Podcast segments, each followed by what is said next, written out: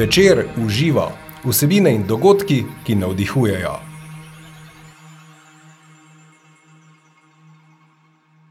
Dobrodošli, dobrodošli v novi epizodi podcasta Večer uživa.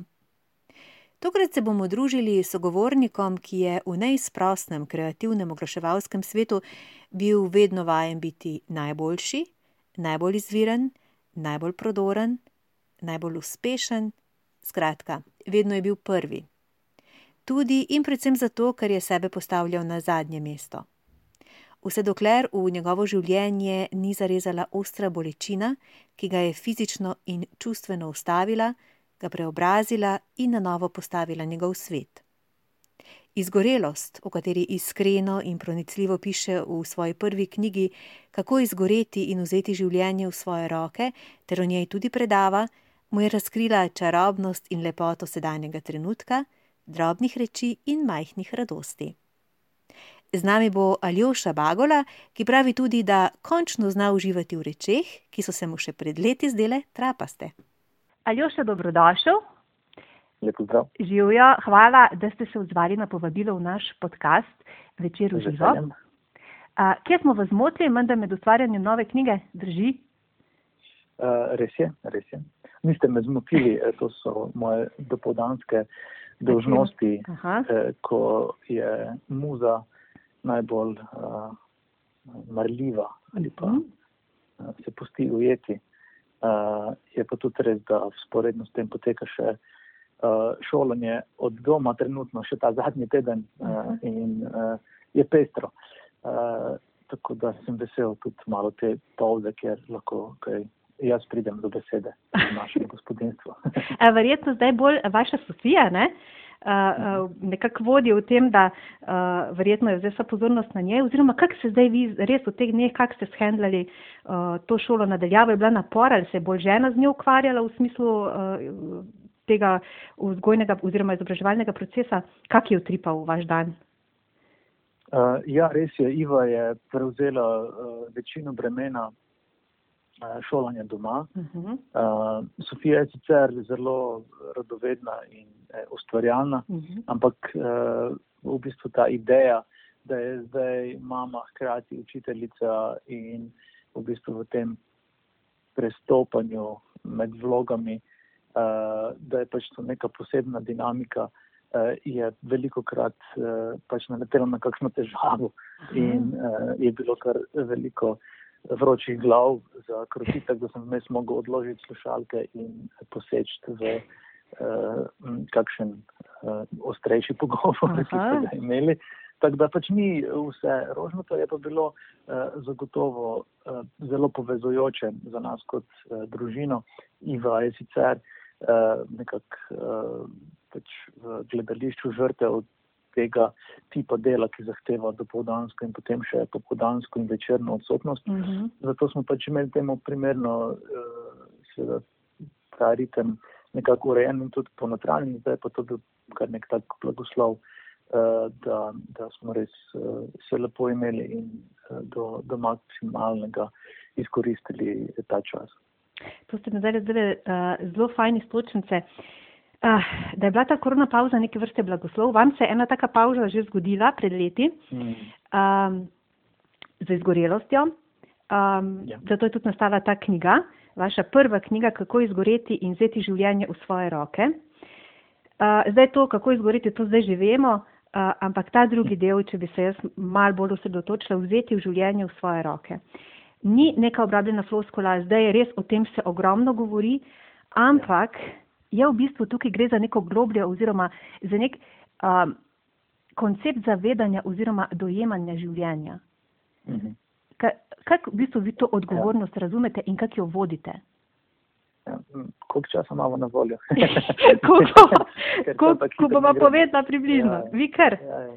Ljudje bi radi uh, imeli odgovor na vprašanje, kako naj izgoreti uh, v treh ali nejah. Ja. Pa kako eh, vzeti življenje v svoje roke še v nadaljnih dveh. Uh -huh. e, tako da je izziv malo kompleksnejši e, in ponavadi je v bistvu e, zato potrebno veliko bolečine In kot pač pišem v knjigi, nam življenje želi nastaviti ogledalo, v, katerega, v katerem se pač trmasto nočemo ozreti, in zato nam je primorano nastaviti zid.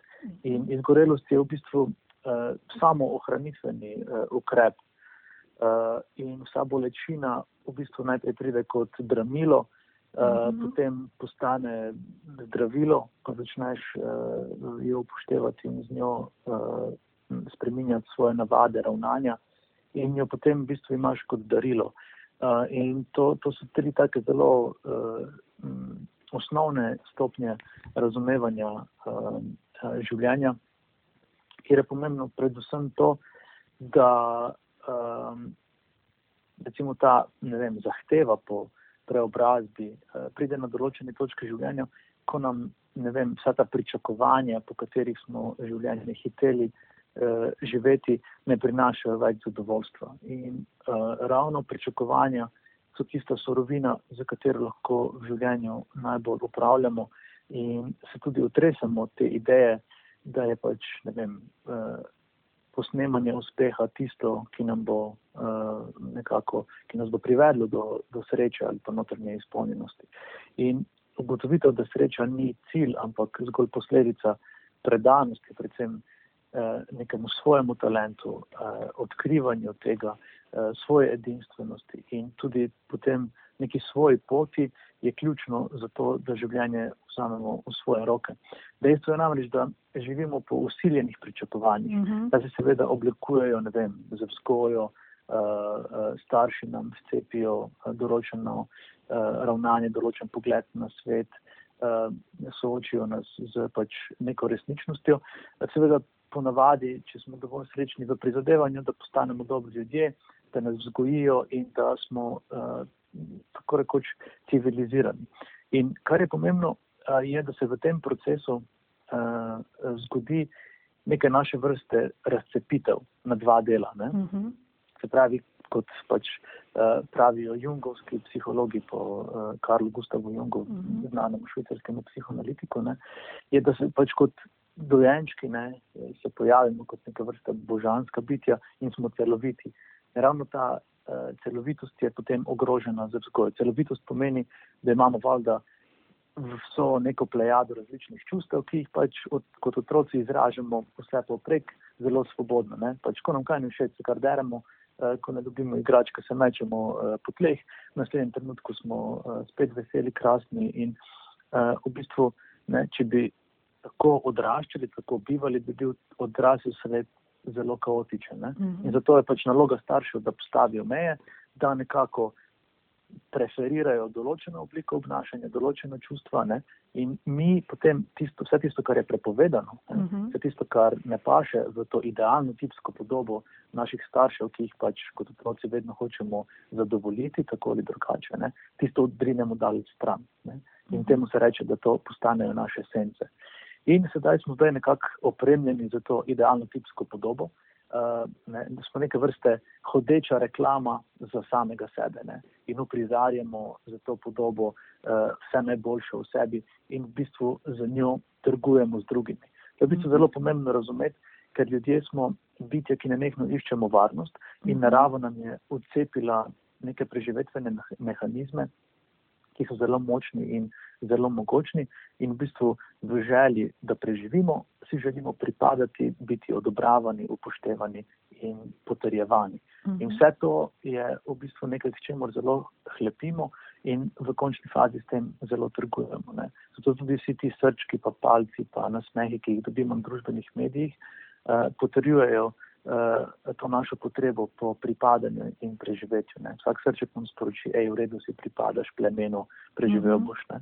In to je v bistvu tudi uh, tako zanimiva ugrabitev naših možganov za strani teh um, tehnologij. No, ampak vrnimo se k tej idealno tipski podobi. Ne. In potem seveda uh, v, v tem, da hočemo biti tako, kot so si zamislili naši starši, živimo veliko krat po pričakovanjih, po mhm. njihovih pričakovanjih, po pričakovanjih družbe, po pričakovanjih uh, Eh, medijev, eh, politike in tako dalje in tako naprej. In seveda z tem, da živimo po pričakovanjih drugih in jih uresničujemo, se veliko krat oddaljujemo od neke lastne sreče, od lastnega talenta. Veliko ljudi opravljali poklice, ki so jih izbrali njihovi starši. Veliko ljudi živi življenja, ki jih določijo njihovi partnerji. In uh, to je v bistvu zelo rušilno za, za srečo.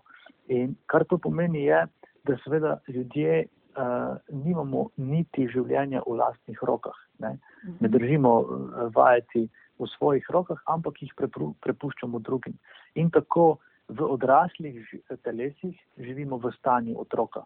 Mi smo samo veliki odrasli otroci, ki non-stop operjamo prst v druge in Tako. govorimo, vi, vi, vi bi morali poskrbeti za našo srečo, ti, ti, ti, ti, ti si kriv za to, ker sem jaz nesrečen, ti, ti, ti si kriv za to, ker jaz trpim.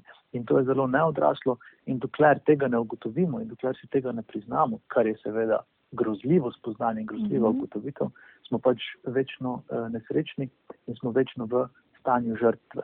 Kar je pa eh, pomembno razumeti, je pa, da je stanje žrtve zelo pasivno, agresivno. Mm -hmm. Tako do mm -hmm. sebe, kot v bistvu do, do vseh uh, okoli nas.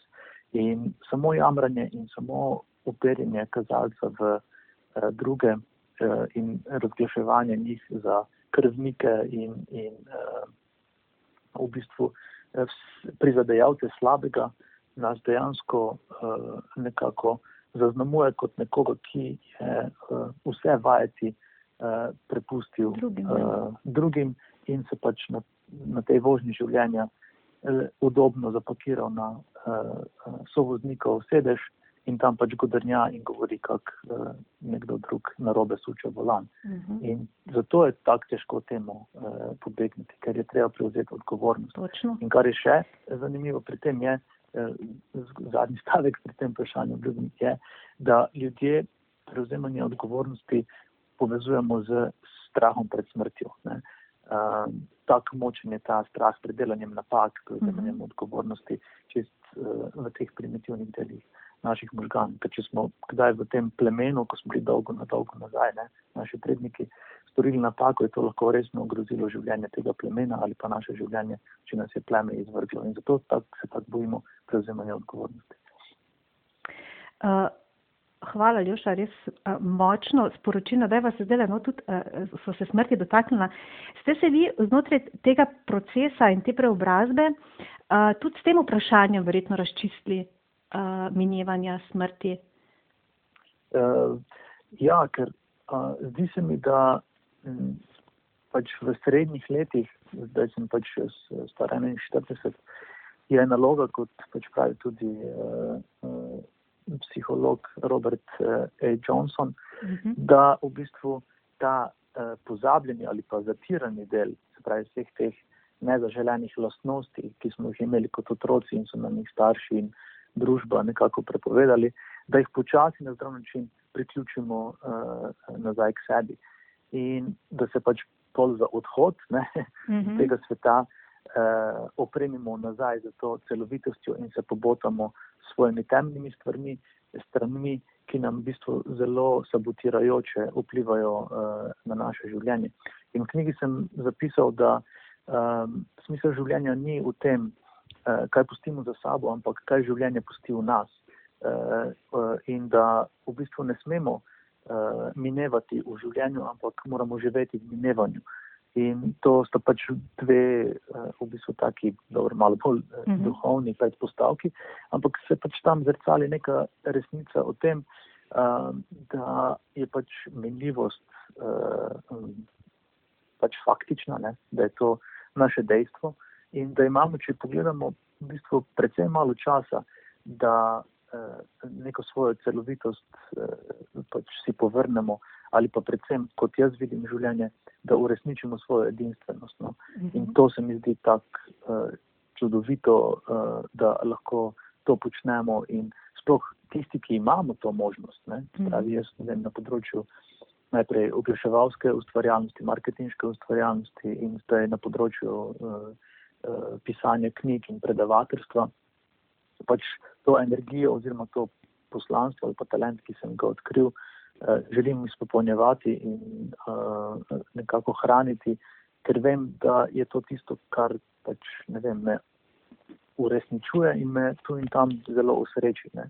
In tudi ta otvarjanje nek nesreče je nekaj, s čimer moramo znati uh, obračunati. Ne. To so tudi družbeni mediji v bistvu uh, nekako sforsirali in nam ozakonili stanje na nek nesreče, uh, v kar so nas prepričali tem, da nas njihovi algoritmi veliko bolj nagrajujejo z temi uh, odobritvami, kot sem že povedal prej, srčki uh -huh. in palci vzgor. Ja. ja, če se upodabljamo uh, nenehno srečni ali pa nasmejani ali pa uh -huh. zrežirani v nekih lepih situacijah. Um, in v bistvu je v, to vloži, vložimo toliko energije in uh, v bistvu vemo, da je to uh, nemogoče nenehno uprizarjati, da smo posledično zaradi tega nesrečni in mizerni in izčrpani. Uh, temu v knjigi pravim optični optimizem uh, in to je res uh, zelo uh, nek tak fenomen našega časa, ki ga pa za povrh zaznamuje še eno ogrožujočo stvar za naše duševno zdravje in to je druga otvara tehnologije, eh, zahteva po nenehni razpoložljivosti. Ne. Mm -hmm. Pravi, prvo pravilo, ki sem si ga zadal v izgorelosti, eh, je bilo eh, razpolovi svojo eh, razpoložljivost in podvojil bo svojo razpoloženost. Uh, in dejansko je to uh, res. Ne? Ker spet um, naši preživetveni mehanizmi so opremljeni z različnimi mini strategijami in taktikami. Uh mhm. -huh. In eno izmed njih je tudi navodilo po posnemanju in primerjanju. Spravi, to je delovalo čisto tako, da pač otroci posnemajo navade eh, starejših, svojih staršev, kar pomaga pri oblikovanju zdravih navad vem, za preživetje plemena, uh mhm. -huh. skupnosti in tako dalje in tako naprej. Ampak te navade, ki so tako močne, seveda dan danes uporabljamo za posnemanje vem, uspeha, za posnemanje glamoroznosti življenjskih stilov uh, in primerjanje z drugimi, kar nas seveda na dolgi rok uresničuje. In zato zdaj vsi živimo v otvari, ker tako posnemamo in se primerjamo, ne, uh, da moramo biti nekno na razpolago. Ne. Se pravi, en neodgovorjen mail že pomeni, da si neodgovoren uh, uh, poslovni človek ali pa zaposleni. Ne? En neodgovorjeni klic uh, ti že povzroča anksioznost, kaj si bodo o meni mislili. Uh, in to samo zato, ker nismo naredili nobene inventure, in to govorim o v bistvu globalni uh, populaciji, ne? uh, notranje inventure. Uh, ali je to, da si pustimo vsako minuto, vsakega dne potencijalno pokvariti uh, z nenadzorovanim SMS-om, mailom, obvestilom, sporočilom, uh, ki od nas terja uh, pozornost. Mhm. In dejstvo je, da ta distribucija naše pozornosti, ki jo pač stokrat, dvestokrat na uro uh, in več stokrat na dan namenimo uh, stvarem, ki niso osrednje ali pa pomembne za naše življenje, nas seveda izčrpava uh, energije. In zato je posledica vsega tega, da več ne znamo razločiti med nujnim in mhm. pomembnim. Ne. Vse se nam zdi nujno. Vsak mail je opremljen s klicajem ali z neko zastavico ali z uh, uh, velikimi tiskanimi črkami. Ne.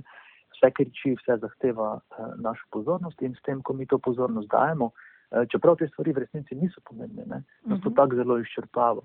In osnova duševnega zdravja je seveda dovoljšna zaloga energije, dovoljšna eh, zaloga posvečanja vsem vidikom življenja, ne, ki je telesni, čustveni, duhovni. Uh, in um, to je seveda bil popolnoma podivjan vrtiljak, kjer mislim, da je pač koronavirus tudi uh, neke vrste um, sprevržen blagoslovno mm -hmm. uh, za, za ta vidik uh, življenja, ki smo ga mogoče zdaj vseeno malo poskušali zamejiti ali pa smo uspeli pokukati na drugo stran uh, te resnice in ugotovili, da ne, z tem posnemanjem in primerjanjem uh, uh, v bistvu nekega uspeha, ki ne prinese sreče ali pa nekega napredka, ne pridemo daleč. Aljoša, vi zdaj že, uh, vi zdaj že znate reči ne, ne? O, seveda. Na, na kak način se zdaj vi to odločate, da ne vem, oziroma na kak način izbirate projekte? Ali, zdaj ste rekli, da ste našli neko čist svoje po, eh, poslanstvo uh, pisanja, predavanja, se pravi, da zdaj uh, um, oglaševalske vode zapuščate? Uh -huh. V bistvu sem, ja, uh, v bistvu zdaj sodelujem uh, s pristopom še na zgolj dveh uh -huh. projektih. Uh, sicer sem se pa tudi že v tem obdobju vračanja nazaj uh, po izgorelosti, uh, zelo uh, distanciral mm -hmm. od prejšnjega tempa mm -hmm. uh, vodenja kreativnega oddelka pač in uh, sodelovanja pri vodenju firme in tako dalje. Mm -hmm. uh, tako da sem pač nekako premustil uh, in sledil temu nekemu notrnjemu klicu, ki je pač zahtevalo uh, preobrazbo ali pa uh, nekako iskalo novo ljubezen za vse te zaloge uh, ustvarjalnosti, kreativnosti, ki pač jo, jih premorem in jih želim uh, udejanjati. No, ampak mogoče je tudi to zdaj neko m, prehodno obdobje ali pa m, ko ne vem, ali se bom vrnil v oglaševanje, kdaj. Zaenkrat mi bo pač ta oblika, se pravi, kakšnih izbranih uh, reševalskih projektov, pa predvsem pisanje in predavateljstva, uh, ustreza. Zdaj pa, pač v času korona krize sem se pa tudi namenil uh, potem razviti internetne tečaje uh, na temo uh, izgorelosti in tudi uh, ustvarjalnosti. Se pravi, da vas ne skrbi, oziroma da znaj, te situacije, ki so mogoče kdaj nesigurne, uh, ostajate mirni, ne? vas zaupate. Je to tudi ta ja. sprememba, uh, ki prije s to izkušnjo, s to bolečino, pač izgorelosti, ki ste jo imeli, uh, zaupanje, da bo vse dobro? Ali...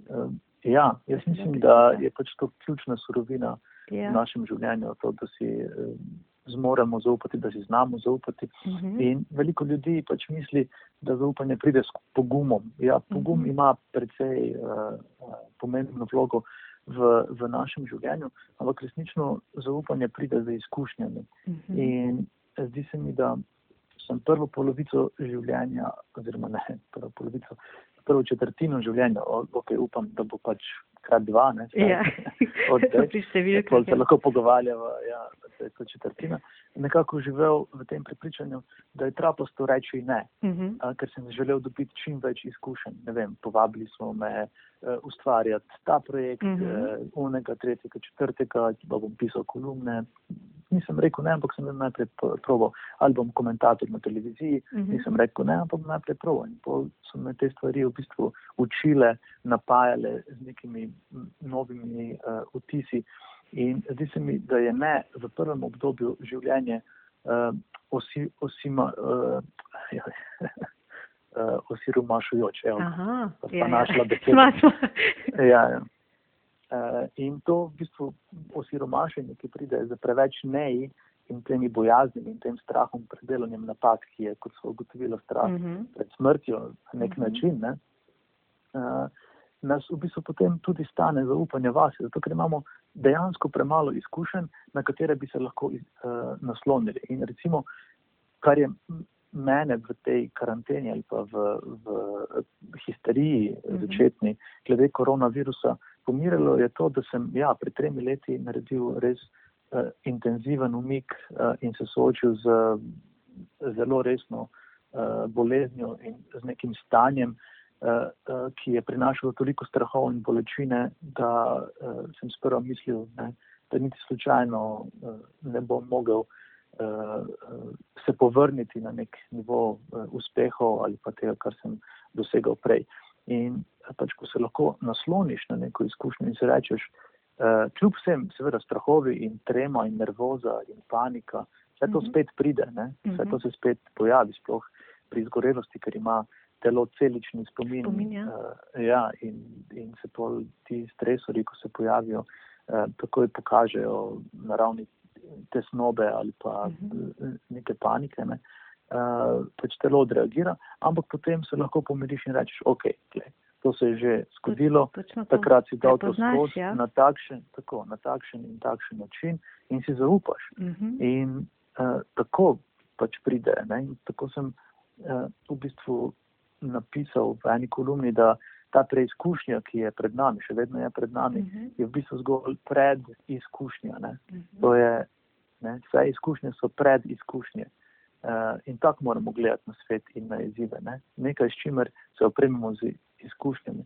Ker če bomo potem na smrtni posteli delali inventuro in našteli zgor uh, na deset tisoče nejev, uh -huh. uh, ki smo jih odmerili vsakemu izzivu ali pa preizkušnji, uh -huh. Bo pač to bore bo slab uh, izkupiček in niti slučajno ne bomo mogli govoriti o celovitosti in izpolnjenosti uh, našega življenja. Tako. O, polnem, o tem polno živeti, ne, tudi ta, uh, kako se prej lepo reče, živeti v minevanju, ne, se pravi, mm. da je to polno plemenito doživljanje življenja in vi to zdaj znate, zdaj pravite, vi tudi znate ceniti vsak trenutek, vsak tukaj in zdaj, intenzivno je, ne? mislim, da breka ima nek žlasnejši okus, ali kak naj zdaj, če, če mal z neko prispodobo. Um, ja, je tako, um, ne? Seveda. Um, mislim, da je dva dni nazaj, uh, sem jedel zajtrk, uh, žvekoval, gledal skozi okno in je Iva začela nekaj uh, govoriti. Ja. Pa sem rekel, Iva, daj mi mir. In je valjda, ne, oprosti, mi dva sva mož in žena, jaz želim s svojim možem pogovarjati. Sem rekel, jaz pa želim uživati v zajtrku. da se nekaj grdo. Ampak je bila neka, ne vem, politično, ne vem kakšna tema in pač, ne da se mi s tem. Ni pa energije za to, ja. Ne. Pa ne, da ni energije. Lahko z veseljem se pogovarjam, poslušam, ampak sem tudi priznam, zelo selektiven zdaj no, pri temah. Ampak, modro, pač, ja. ne, kot je Ošo tam lepo napisal, ne, če bi bil vsak Buda, pač bi vsak jedel kot Buda, pa poslušal kot Buda, mm -hmm. pa Mhm. bil tiho kot Buda, pa govoril kot Buda. In v bistvu moraš res biti prisoten v vsakem trenutku. Ne. In tako sem tudi pred kratkim zapisal, da je pristnost le v prisotnosti. In uh, lahko imamo ne vem koliko bogatstva, lahko imamo ne vem kakšne uspehe, ampak če jih ne znamo doživljati v neki njihovi polnosti ali pa ozavestiti in pač biti hvaležni za vse, kar se nam dogaja, vključno z bolečino, vključno s trpljenjem, potem gre spet za to nenehno preskakovanje med uh, nostalgijo, ne, mm -hmm. ker pač veliko ljudi, tudi slovencev, je danes ujeti v, ujetih v uh, tej v bistvu neki utvari, da je bilo pa včasih vse dobro. Mm -hmm. uh, in nostalgija v starogrščini pomeni dejansko bolečina stare, stare rane. Mm -hmm. In zato se vedno vračamo tudi v preteklost k nekim zameram, k, k nekim opustošenjem in ker nimamo kapacitet za odpuščanje, ne, ker se radi nekako valjamo v tej bolečini in se uplajamo z njo in ja, ja. Ja, in, in svoji mizeriji. Mm -hmm. uh, uh, seveda ne, ne moremo živeti v nekem danem trenutku. Ne. Po drugi strani pa smo nenehno oprtami z skrbmi glede prihodnosti. Ne. Mm -hmm. In to seveda ne, uh, je neke vrste preteklost, plus prihodnost je prehodnost. Ne. In smo nenehno v tem prehodu, Tako. kjer pač sedanjost povzi uh, uh, med prsti in uh, nažalost ne živimo. Zato pač se znam zdaj, ker je bilo prej res na mojem kariernem vrtiljaku tega prav eh, poslovnega brutalizma, ne nehno stotine obveznosti projektov, skrbi in vsega in prav te neke lepote življenja nisem mogel doživljati in zdaj pač znam se ustaviti, ne vem, ali pa biti hvaležen, ko se perjem na kolesu in lahko gledam, kako lepo je ozelenela narava, -hmm. pač rože, ptice, ne vem, take drobne stvari. Zjutraj pravim, gledam skozi okno gledam, kako se kosi igrajo z vranami. In, uh, pač, uh, je to nekaj, ne, kar se nekomu zdi trapasto, tudi meni bi se mogoče pred petimi leti, ampak je pač zelo pomembno, da si s to uh, neko valuto krepimo uh, življenje in se tega v bistvu naučimo. No. To verjetno zdaj tudi na svojo Sofijo prenašate, toliko bolj zavestno, ne? ko bi verjetno. Ja, ja. Zdaj je tudi dojemljiva toliko, koliko je prvi razred? Ja, prvi razred je, ampak m, kot pač otrok ima veliko neke presežne uh, energije, ustvarjane energije in pač želim nekako pravilno usmerjati uh, njeno zavedanje uh, mm -hmm. sveta. Ne. Tako ustvarja, ne poskuša pasti noter ne, v ta mm -hmm. izjemni tok, kjer pač pozabiš na vse drugo. In to tako uspe čisto po neki naravni danosti, ker otroci to otrok, ja.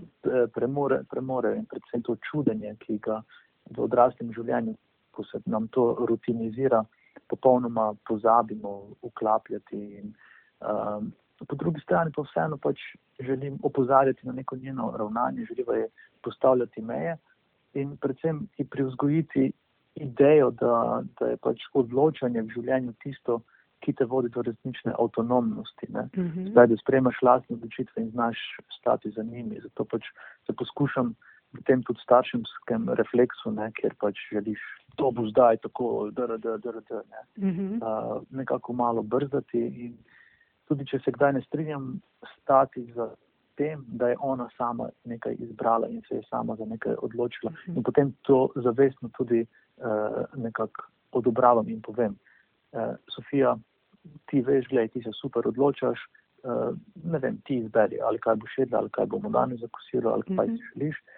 Uh, in če gre predaleč, ne, spet en korak nazaj in ok, dobro, zanimiva izbira, ampak mm. dajmo proba to prilagoditi, ne vem, temu, temu in, in onemu. In to se mi zdi, da je mogoče v času, ko smo mi odraščali, ne, bilo tako. bolj podvrženo nekim, recimo, bolj tiranskim ali pa uh, takim oblikam nadvlade, ki pa se še kot da je konec take, kot imajo skozi. Tako, ker jaz to rečem, ker smo ja. oče oziroma ker smo Točno to, ja, ja. Mm. In ta štafeta se je predajala naprej in potem v bistvu ponotranjimo ta starševski glas, ne, mm -hmm. Glas naših staršev postaje naš notrni glas in potem nam ta notrni glas celo življenje nekaj prepoveduje. Ne, -hmm. ne smeš to, ne boš se lotil tega izziva, kaj, pustil bo službo, halo, kako boš to mhm. preživel in nas potem to nenehno onemogoča. Zato ne, pač starši nam dajo krasno darilo, ne vem, skoje in pač nas opremijo s nečim za življenje, ampak da mi resnično odrastemo, pa moramo vse to preseči. Ne. Zato sem v knjigi tudi uh, napisal, ne, da kot otroci dopuščamo, ker pač dopustiš, ne znaš drugače, to je tvoj starš, vrhunska avtoriteta. Kot odrasli, to moramo znati odpuščati. Ne? Tudi svojim staršem moramo znati odpuščati za napake, ker tudi jaz vem, da jih jaz delam kot starši in Iva in tako dalje in tako naprej. In šele, ko smo zmožni te kapacitete aktivirati in klopiti, se pravi, da odpuščamo, razumemo, kako pač lahko vplivamo na svoje življenje z odločanjem. Ne? Ker odločanje v resnici pomeni, da se od nečesa ločiš. Ja. Ne? Ja, da se ločiš od starih vzorcev, da se ločiš od svoje infantilnosti, da se ločiš od svoje naivnosti, da se ločiš od te v bistvu, vloge žrtve, ki, ki se zgodi tako, da pač ok. Eh, kar je zanimivo, je, da smo kot otroci, smo po eni strani vse mogočni, ne? ker pač mhm. zajokamo, rignemo, prdnemo in imamo že uh, štiri ja. oči, ki nas uh, ja, takoj uh, gledajo, kaj lahko pomagajo. Ne? Po drugi strani smo popolnoma nebogljeni. Ne?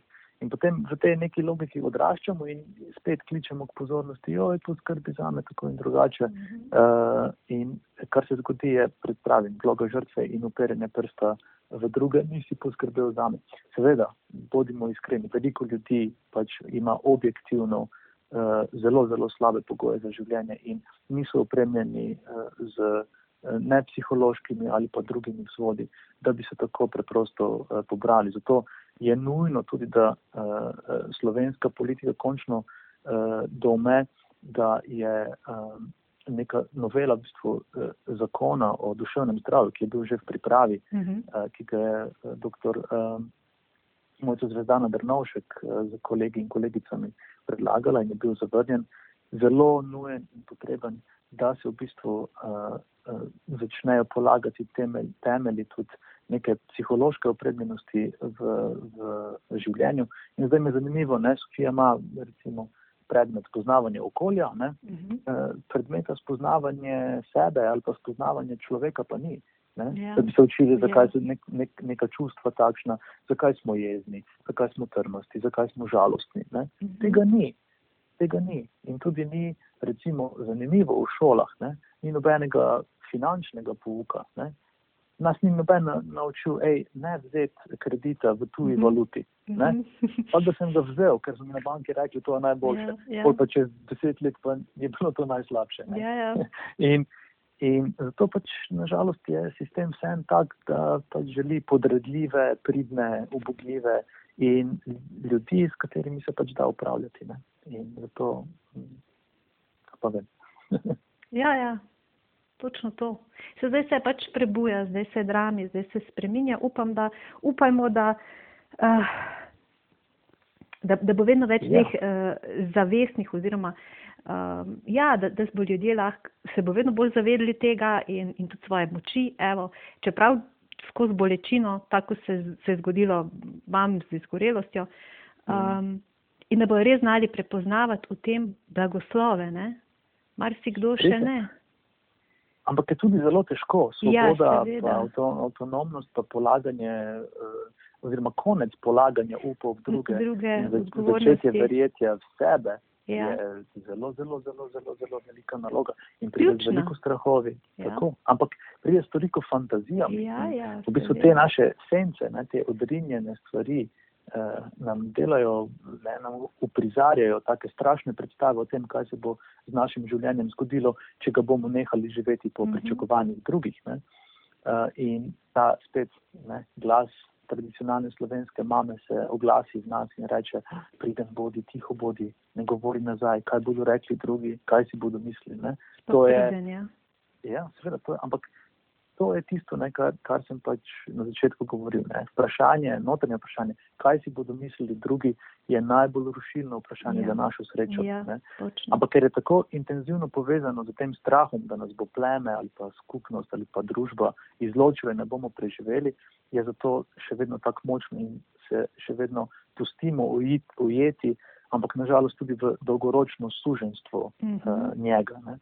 In tu je pač. Uh, pobeg zelo težek in veliko ljudem se zgodi ogromna bolečina, ne? sabotirajo si svoje življenje, ne vede mm -hmm. z temi temnimi zgibi, ki jih pač si ne dovolijo, zato ker so prepovedani, ne? ker je mama rekla, eh, ne, ne boš len. Ne? Včasih je čisto vredno biti len, pač si moraš zdravo dovoliti in si reči, danes bom rekel ne, pač imam 20 mailov, Ja. Odgovoril bom na nobenega.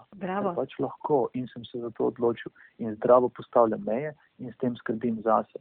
In dovolim unemu razgrajaču ali pa unemu neotesancu ali pa unemu neodgovornežu za meni, ki je mm -hmm. popolnoma legitimen del mm -hmm. mene in pač bo zagotovil mojo celovitost, da ima danes svoj dan. Pravi, okay. mi, smo, mi smo zelo preveč krivični do sebe, tudi v smislu pozitivnih lastnosti, ki jih imamo. Mm -hmm. Ker dovolj dobro ni dovolj in mora biti popolno. In če ni popolno, smo kritični. Po drugi tako. strani smo pa premalo sočutni do sebe in tistih delov, ki so pač resnični mm -hmm. uh, liki ali pa resnična čustva v naši osebnosti. Uh, in uh, imamo zato toliko škode in, in trpljenja. In ko se zgodi bolečina, je pač zdaj, seveda, uh, vse narejeno tako, da uh, ti poskušajo dati antidepresive in uh -huh. te mhm. spraviti uh, k malu nazaj uh, za proizvodni trak. Tako, da ni problema s teboj, ja, da nimajo problemov s teboj. Ja. In pač kar antidepresivi naredijo, je te preživetvene centre, ne, amigdalo v, mhm. v možganih, ki zganjajo strah in paniko uh, zaradi tega posttraumatskega stresnega sindroma, ki je identičen kot pač pri vojakih, ki pridejo z fronte. Uh mhm. -huh. Ampak tam danes tudi to smo. Ko pridemo iz služb, smo večinoma tak, ja, zdelani kot vojaki, ki pridejo iz fronte, da pač to ublažijo in te uh, slike teh centrov možganih uh, mutirajo, mislim, utišajo uh -huh. in mhm. potem mi mirno gremo, mirno, kvazi, ne, uh, nazaj v isto življenje, brez da bi razčistili z vzroki. Ne. Se pravi, uh, živimo v svetu ublažitev in kot, kot pač rad povdarim, ta beseda vsebuje tudi besedo laž. In mm. zato pač tako se nekako ne prikoplješ do svoje uh, uh, resnice. In to je pač družba sediranja, ne? ker pač smo nekako umrtvičeni in uh, je to zelo, zelo, zelo žalostno. No, no še sreča, da so potem taki zgledi, ko je vaš primer, ne? ko smo prej rekli, da nimajo mogoče vsi možnosti oziroma ne vejo kako. Zato ste ti zgledi, da to o tem govorite, da ozaveščate. Ja, mislim, pač, nismo čisto aha, brez virov, ja. čisto nemočni, nismo. Ne? Zagotovo ne. Jaz mislim, da uh, to ni bil niti slučajno moj namen. Jaz ne, ne, se vem. Vam je to spontano zgodilo. Ja. Mislim, v prvih dneh svoje zgorelosti sem pač iskal nek navdihujoč primer mm -hmm. ali pa bolj v bistvu nekaj, kar bi me bodrilo. Ja, no to, kak je vas, kak je vas, ja. Ja, uh, in pač sem googlal, ne vem, Aha. primer neznanih, uspešnih uh, pač svojih idolov, ne, Ja. ki, za katere bi pač, ko sem videl, uh, kdaj so, ne vem, izginili uh, uh, z scene in Mhm. se potem vrnili nazaj precej predrugačeni, ne, Mhm. uh, da bi pač pisala, aha, ok, zgodilo se mi je to, zgodilo se mi je izgorelost ali karkoli že težko v življenju. Mhm. In pač ne, je bilo vse tiho. In sem rekel, ok, če se pač uspem iz tega spraviti, bom pač o tem začel govoriti, pisati. In valjda na začetku je bilo grozljivo, nisi, nisi slučajno hotel, uh, da ljudje vejo za to, ker je to zelo ogrožalo to samo podobo ne, tega zmagovalca, ne, To- nekega najboljšega perfekcionista, uh, frajerja. Ne.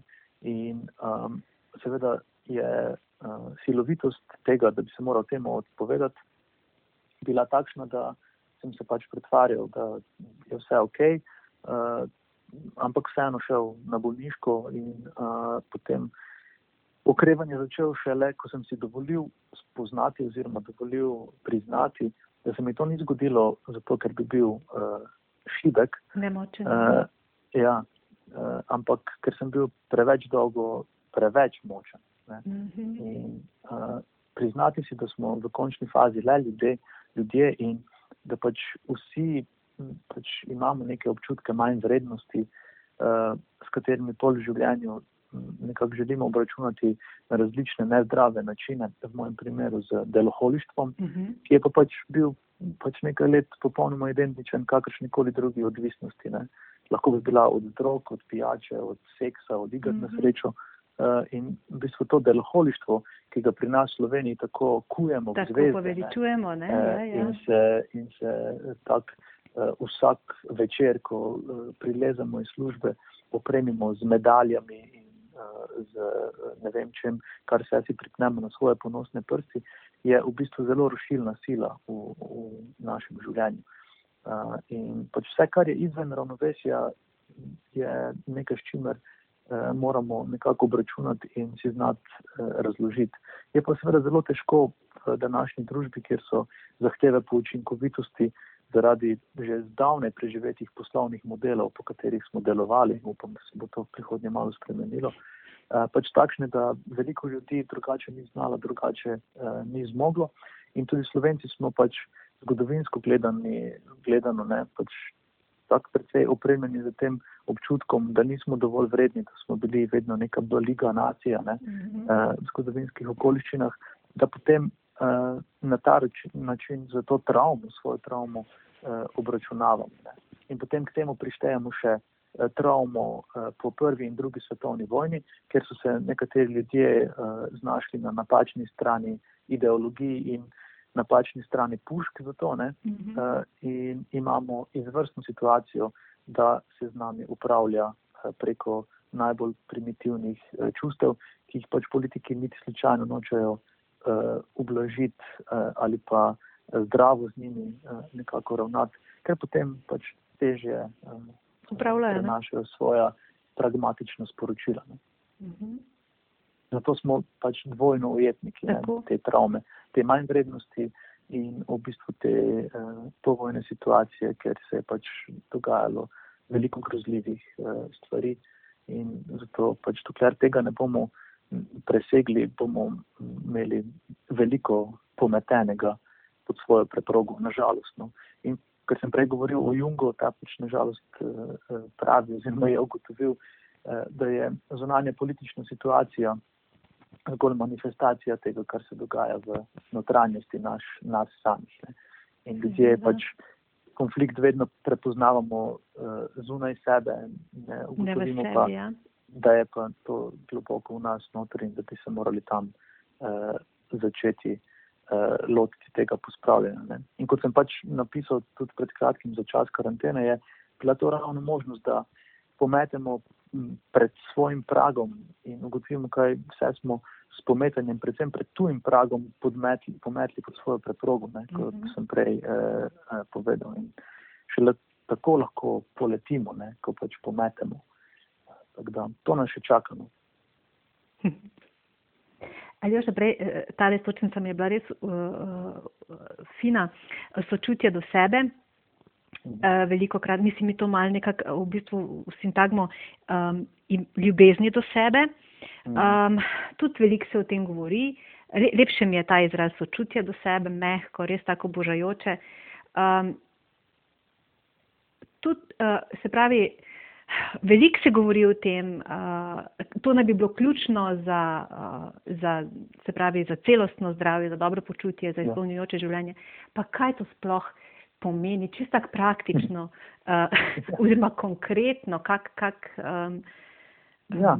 namik? Ljudje, ljudje sočutje do sebe zamenjujejo z uh, nagrajevanjem in uh, razvajanjem sebe. Ja, tako ne. Recimo, zadamo si, da za novo leto, da bomo vem, shujšali, da bomo nehali kaditi, mhm. da bomo nehali gamblati, da bomo končali razmerje z ljubico in tako dalje. Ne. Uh, in uh, to ne govorim sam.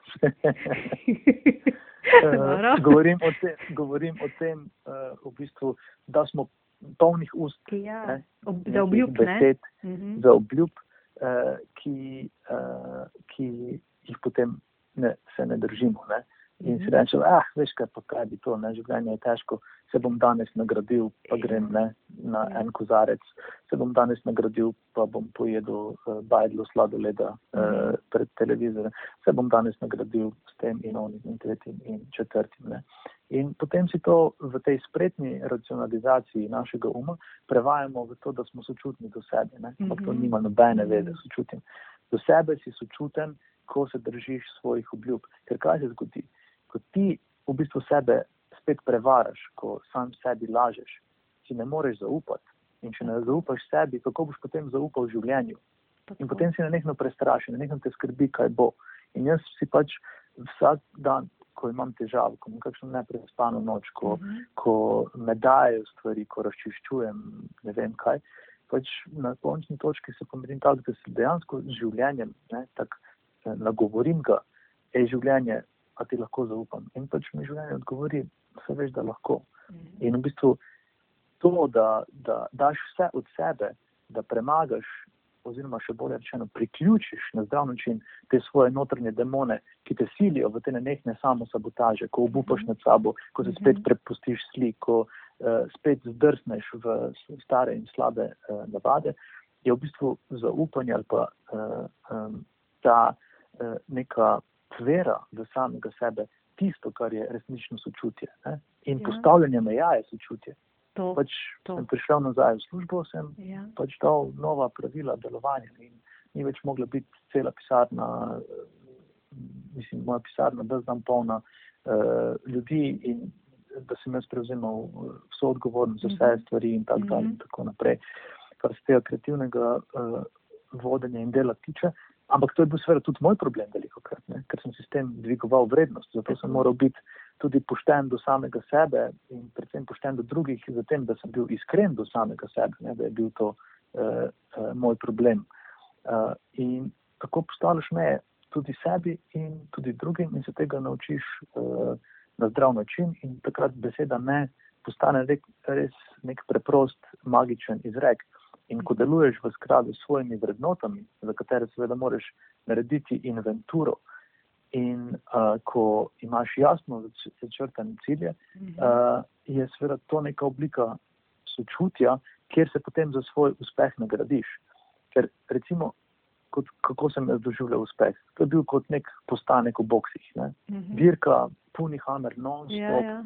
uh, garanje, zmagovanje, dokazovanje, prevzemanje odgovornosti, uh, biti najboljši, ne vem kaj vse, vse, vse, vse pač v tem uh, smislu. In potem, ok, ko sem dobil vem, toliko in toliko nagrad, ko smo uh -huh. uh, zmagali tam, tam, tam in tam, sem si uh, popovdne oddahnil. Ne? In to je trajalo sedem minut, dokler niso prišli novi maili, nova obvestila in že eh, eh, naslednja runda eh, dokazovanja. In to je skrajno izčrpavajoče in v bistvu eh, sočutne, sočutno do sebe pomeni, da si sam sebi dovolj. To, kar v resnici si, brez da eh, rabiš to tisoč zonanjih dokazov, da se počutiš dovolj vrednega, da lahko živiš na tem eh, svetu. In do tega se dokopati in potem se naučiti s tem upravljati in potem se tega držati, ne? da ne zdrsneš nazaj v stare navade in stare vzorce, ne, ker ta magnetizem je silovit, no, to je v bistvu sočutje. No, se tole mi zdaj tudi, uh, to, točno mi nanizate, da jaz pa komi moji možgani uspejo tole ja. videti. um, ne, zelo fajn. No, to, to me je tudi zanimalo. Lahko zdrsneš nazaj, ampak vse tako, kot smo se prej pogovarjali, veš, zakaj gre. Ne? To je ta ključna tako. razlika ja, med ja. Um, tistim starim aljošom oziroma našim starim, našo staro zgodbo in tem novim. Ja, ampak je v tem, da, da, da pol tudi nekaj časa potrebuješ da znaš upravljati z, z strahom. Ja, ja, ja. Ker pač ne, ti veš, tvoje, ja. tvoje telo je tako uh, nastrojeno proti tebi, da ti ne dopusti, ker je res, jaz meni so se, pa sem prej komaj čakal, da sem dobil novo naročilo, mm -hmm. da res sem bil tak, prav, ne vem, kak Michael Jordan na vrhuncu mm -hmm. karijere. Mm -hmm. Ni bilo šanse, da bi me lahko kdo premagal. To je bilo v moji ja. glavi, ja. ta, ta, ta vrsta zmagovalne miselnosti ampak je bilo v ozadju seveda precej vzorcev, ki so to na napačen način hranili oziroma um, zahtevali. Potem, ko sem po izgorenosti prišel nazaj in če bi veril, da bo to tako grozno, sploh ne bi prišel nazaj, ker so se mi roke tresle ob najmanjšem naročilu mm -hmm. in mhm. ob najmanjši obveznosti. Telo je do konca raztreščeno in ti daje veto. Mm -hmm. In to je mhm. prav veto. Mm -hmm. En ljudje dejansko ne morejo z postelje vstati. Tako globoko ja. so v v telesni in uh, duševni bolečini. In to, to so res grozljive, grozljive uh, stvari, ko se ne poznamo uh, dovolj dobro. In takrat, seveda, moraš postavljati meje in ti rečeš ne, ampak kaj je fora. Potem pa pride ne, ta um, uh, del tebe, ta požrtvovalni, priden, uh, ja. zmagovalen, ja. uh, najboljši, ja, ja. Um, ki je vredno, vedno uh, prevzel odgovornost in ti mm -hmm. reče, a si prepričan. Mm -hmm. In potem mm -hmm. te mhm. postane strah zato ker podoba tega, kar ti si, razpada pred eh, tvojimi očmi, tvoje telo bo pa razpadlo, ker veš, da boš dejansko, se ti zdi, da boš umrl eh, od, od, od tega, od stresa. Ne? Eh, Zelo grožna smrt je, ne? mislim, res eh, čisto. Seveda se ljudje, ja? ljudje ali doživijo eh, infarkte kapi, ali, kapi, ja, ali naredijo samomore, to, to so ja. noro resne stvari. V, Združenem kraljestvu, se pravi v Veliki Britaniji, na vsake tri tedne en zdravnik naredi samomor zaradi izgorelosti. Zdravnik, mm. ker bi pač ljudje pričakovali, da, da bi vedel svoj ustroj in ne vem kaj vse ne. To je noro, to uh, so uh, zelo, zelo silovite stvari. In zato v bistvu to postavljanje meja in predvsem razumevanje, da trenutni vladajoči sistem uh, nekako zaznamuje razklanost nekih uh, osebnosti, prav različnih tipov, uh, uh, različnih psiholoških tipov, mm -hmm. je mhm. zelo pomembno in pomaga. Ne? Ker pač veliko uh, vodi, ki so v tem času sposobni dosegati takšne rezultate, kot so zahtevani. Ne? Spravi, svetovno gospodarstvo še vedno. Od 70 let prejšnjega stoletja, ker je bilo to možno in smiselno, zahteva 10-odstotno kvartalno rast. Mm -hmm. Pravi, da vsake tri mesece moraš 10% več imeti in ja. služiti, ne glede na to, kaj si delal prej. Ne. Zanimivo, ena uh, naročnica mi je rekla uh, dolgo nazaj, že, kaj pohane naredim, pove, naj hodim po Sloveniji, pa zvonim uh, na vratih in ko ljudje uh, odprejo vrate, naj jim na silo potisnem žlico jogurta v usta. Ja. Prav tako uh, trapostvo je to. In vodje, ki so sposobni uh, od ljudi zahtevati uresničevanje takšnih ciljev, uh, so ponavadi narcisoidni, spravi, temu se reče mm -hmm. vampirski tip, ker pač brez trohice empatije zahtevajo um, izpolnjevanje takšnih in drugačnih uh, strategij. Ja. Ne pravim, da je to, pravim, da je to vedno in posod, ampak da sploh lahko kdo zagotovi te rezultate, mora biti skrajno neprizanesljiv to pač ljudi okoli sebe. In ta tip, kot sem prej rekel, ne, brutalizma v, v poslovanju se vse bolj razrašča in je težko z njim uh, upravljati na nek uh, uh, način, ki ne bi zahteval.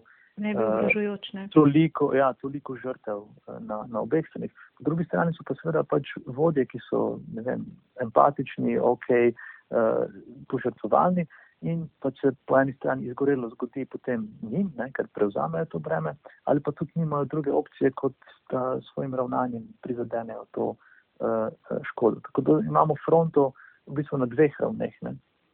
Na eni strani je uh, to, da se pač psihološko ne poznamo dovolj dobro, na drugi strani je, da smo pa ujeti v preživete gospodarske modele, ki pač lahko preživljajo samo še z izčrpavanjem, kar mislim, da se bo sedaj po, tudi po tej gospodarski krizi, ki pač bo nekak posledica koronavirusa, želelo malo prečiščevati.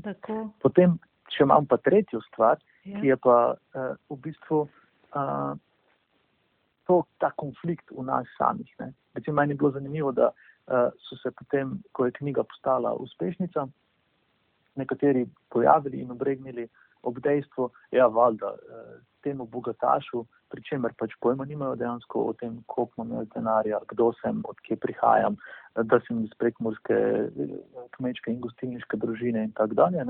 Uh, temu je pa valjda enostavno mhm. izgoreti in pametovati, ne? kaj pa v Boga, ne vem, čistilke in matere. Eh, ja, to, to se pogosto servira, ja, ja.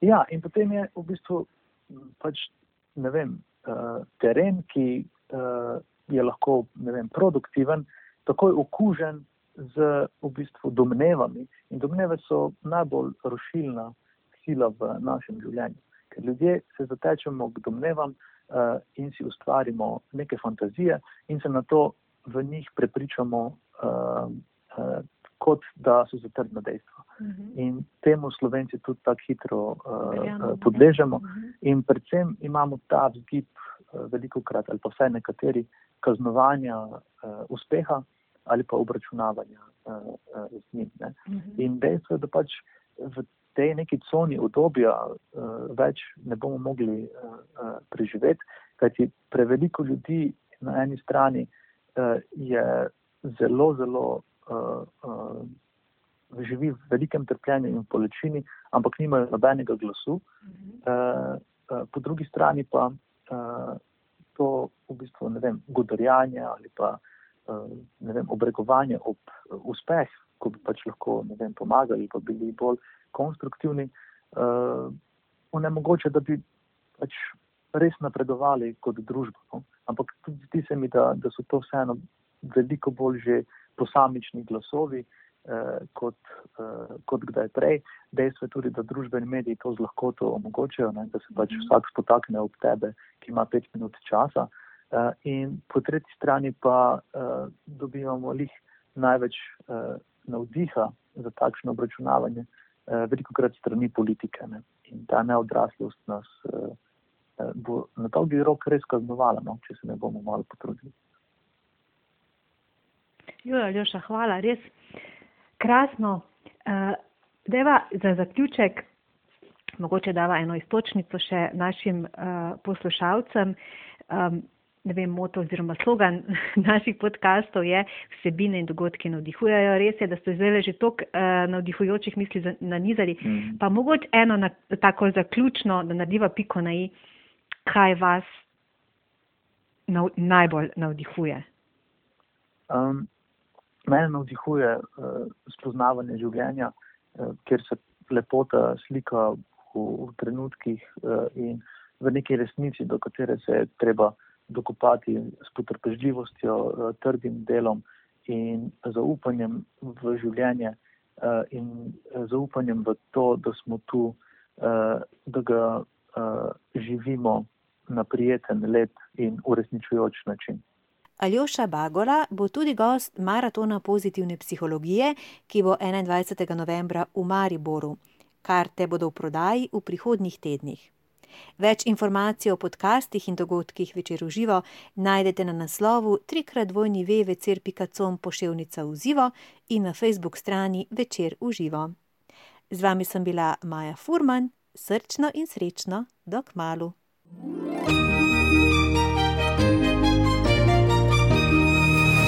Večer v živo, vsebine in dogodki, ki navdihujejo.